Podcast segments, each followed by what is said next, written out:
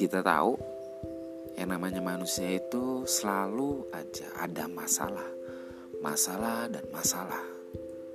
Yang menariknya adalah kenapa masalah selalu ada. Setiap orang, siapa pun itu, mau kecil, besar, gede, tua, muda, dan segala macamnya, selalu berhadapan dengan masalah. Yang jadi masalah, gimana kita menghadapi masalah tersebut. Nah, di channel ini, di podcast ini, kita akan sharing tentang masalah. Bagaimana cara kita menghadapi masalah. Bagaimana kita bisa enjoy dengan masalah sampainya kita bisa lewati masalah tersebut. Masalah jangan dihindari, tapi masalah harus dihadapi. Enjoy dan tetap stay tune di sini. Bye.